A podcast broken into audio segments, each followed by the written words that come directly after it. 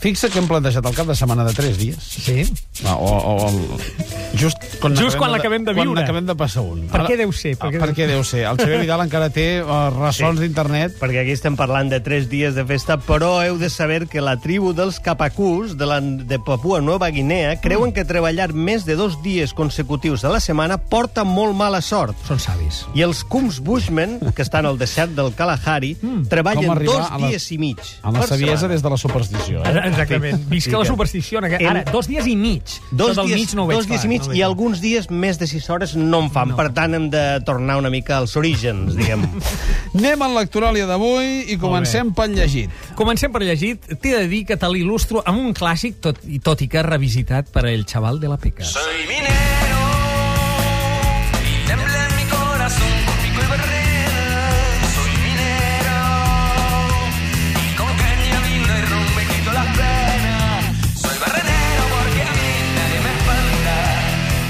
Evidentment, temàtica minera, molt de moda recentment, gràcies a Xile, Sí, senyor. i un home que se n'aprofita. Sí, però amb una casualitat. De retruc, eh, de sí, retruc. Sí, sí, sí, no, no, no li retraurem. Uh, això és per comentar l'última novel·la de David Monteagudo, l'autor de Fin, que va ser prou ponderada des d'aquesta secció l'any passat, que es diu Marcos Montes. Això ho publica El Acantilado, com la, també va fer en Fin, i ha sortit immediatament, és a dir, simultàniament, en català, en traducció catalana de Jordi Nopka, a Quaderns Crema, que és el, del mateix grup editorial.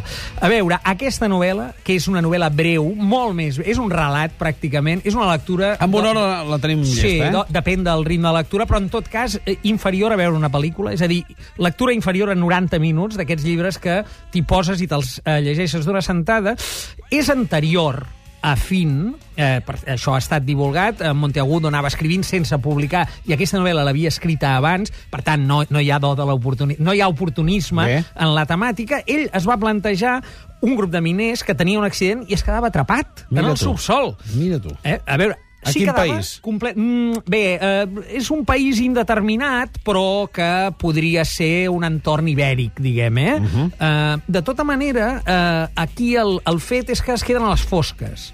Això és el que veus que el plantejament que té una certa gràcia i vol dir que els que es van trobant no no, no es poden veure, es reconeixen per les veus, però poc, són de grups diversos, de diverses galeries, llavors, bé, hi ha el nerviosisme eh, propi d'una situació així límit i comencen a cooperar per intentar trobar una sortida. Eh, val a dir que el plantejament aquest funciona molt bé, però que aquesta sortida que es troba, ja ho avanço i no és cap spoiler, és a dir, té un final feliç, amb una sorpresa que no puc avançar, que explica eh, una mica tot tot el que és el plantejament de la novel·la, jo crec que el, on fluixeja és en el desenllaç. Eh? I, a part, no hi ha nus. Eh? O sigui, seria plantejament i, I desenllaç. desenllaç directament.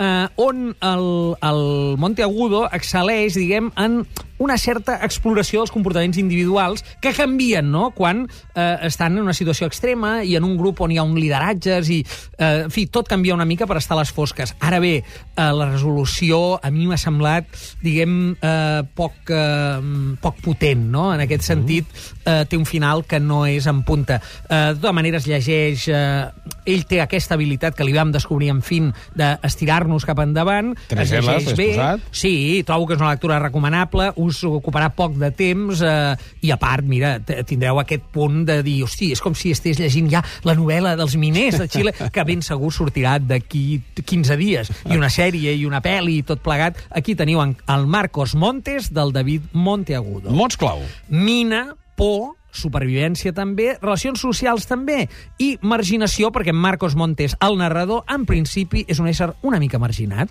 Put the blame on Maine, boy. Put the blame on Maine. Rita Hayworth canta... Uh, canta Put the Blame on Mame, que sempre havia estat una cosa que jo deia, però, però a, a qui es refereix o com? Bé, això és per il·lustrar la tieta Mame, uh, una novel·la hilarant del Patrick Dennis. Quatre L's. Això acaba de sortir traduïda en traducció al català excel·lent del poeta Francesc Parcerisses, que a banda de la seva carrera poètica té una, diguem, també una vessant de traductor. Ell és el traductor del Senyor dels Anells, per exemple, ja, ja fa anys, diguem, al català, eh, i en castellà surt a l'Acantilado. Això és una novel·la dels anys 50. És una novel·la absolutament boja, esbojarrada. Aquesta tieta és com un personatge, com podria ser l'àvia de tots els personatges del Woody Allen dels anys 70. És una tia molt snob que viu a Nova York, que tan aviat treballa, diguem, en uns grans magatzems perquè es queda arruïnada, com es casa amb un sudista milionari i se'n va al sud, on tothom és molt conservador i ella, diguem, és una progre neoyorquina, com envia el seu fillastre, bé, el, el seu nebot, aquí sa filla, eh, i que és el narrador de la novel·la, a escoles d'aquestes progres on tots van en pilotes tot el dia, tipus Summerhill, eh, i en canvi el tutor s'esvera, rius moltíssim, és veritat que té un punt de gincana, és a dir, d'encadenament de situacions hilarants, però, i que pot arribar a enfarfegar en aquest sentit, Sí. però fa riure. I, a més, s'hi veu tota una línia eh, que després desemboca en els grans còmics eh, de Nova York. No? Eh, Patrick Denis era un cronista de moda, de societat i una criatura de la nit, per entendre'ns. Eh? Era com eh, un Boris Izaguirre de l'època a Nova York. Que l'han atracat, tu. Hem... L'han atracat, el Boris? Amb pistola. Hosti. A Caracas. Ah, a Caracas. Sí, sí, Hosti, ho, ho enviat a través del Twitter. Carai, carai, Twitter ens informa... Hòstia, esperem, Sí. doncs, que, que no estigui molt esbarat. Uh, recomanable per riure, gran novel·la còmica, un clàssic, 50 anys més tard, s'aguanta la tieta Mame de Patrick Denis a Quaderns Crema. Mots clau. Humor, bohèmia, art, Nova York i Woody Allen. More Than Words. Extreme ens presenta No fotis. No fotis, sí senyor. Diccionari d'argot. Uh -huh. Català-anglès, anglès-català, però això està editat per Idiomes Pons, que jo els coneixia pels seus manuals de, per aprendre llengües diverses, no? I havia fet tres diccionaris d'argot, però en castellà sempre, en anglès, francès i italià. Aquest és el primer que fa català-anglès, anglès-català. És útil, és divertit i pots descobrir com dir, per exemple, no em ratllis, m'estàs ratllant un piló amb les teves històries. I es calla una mica, diu, you're really getting on my tits. És a dir, m'estàs arribant als, a les Als pits, tetes, no? eh, als Sí. pits, with all your wind up, just shut it. En fi, no sé, eh, potser aprendrem alguna cosa o potser ens diran, ui, això ja ha passat de moda. Xungo, be careful, he looks a bit iffy. No, no em ratllis, eh? no em ratllis, eh? mai, això? Jo no, jo mai, eh? Jo he de reconèixer que jo era no em mengis l'olla, no em mengis el cap, però... L'orella. No, l'orella. Bé, hi ha altres coses del menjar que trobaríem aquí també, eh? Per al carro, Ah, sí? Sí, sí, hi ha, hi ha, totes les grolleries hi són. Eh, això sempre és interessant, eh? Màrius, eh, moltíssimes gràcies per aquesta darrera recomanació. És el fullejat d'avui. Eh, no fotis, diccionari d'argot català-anglès, anglès-català. Ens retrobem la setmana que ve amb un Sí, senyor. nou Superenigmarius i una nova secció de lectoràlia. Aquí estarem.